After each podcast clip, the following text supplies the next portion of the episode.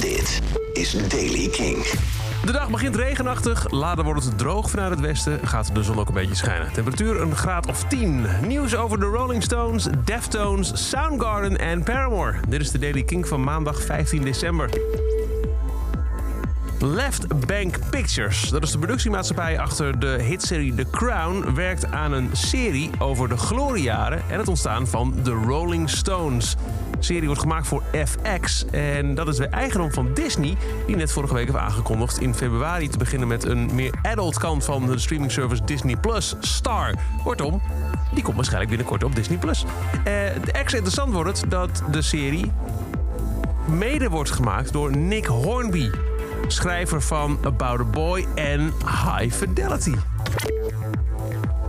Er komt in januari een spoken word album van Chi Cheng, de overleden Deftones bassist. Het album heet The Head Up Project en werd in 2001 opgenomen tijdens een avond vol poëzie, buikdansen, muziek, beledigingen, alcohol en andere vormen van vleierij.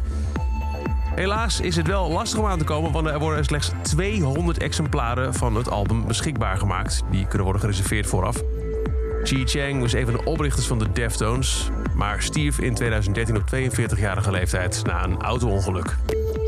Vicky Cornell, vrouw van wijle Chris Cornell, heeft verklaard dat alle niet eerder uitgebrachte Soundgarden muziek het daglicht zal zien.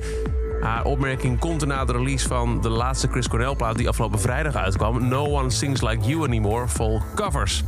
In een interview werd haar gevraagd of er nog meer niet eerder uitgebrachte muziek van Chris Cornell is. Jazeker, zegt ze. En alle muziek van Chris, inclusief Soundgarden, zal het daglicht zien.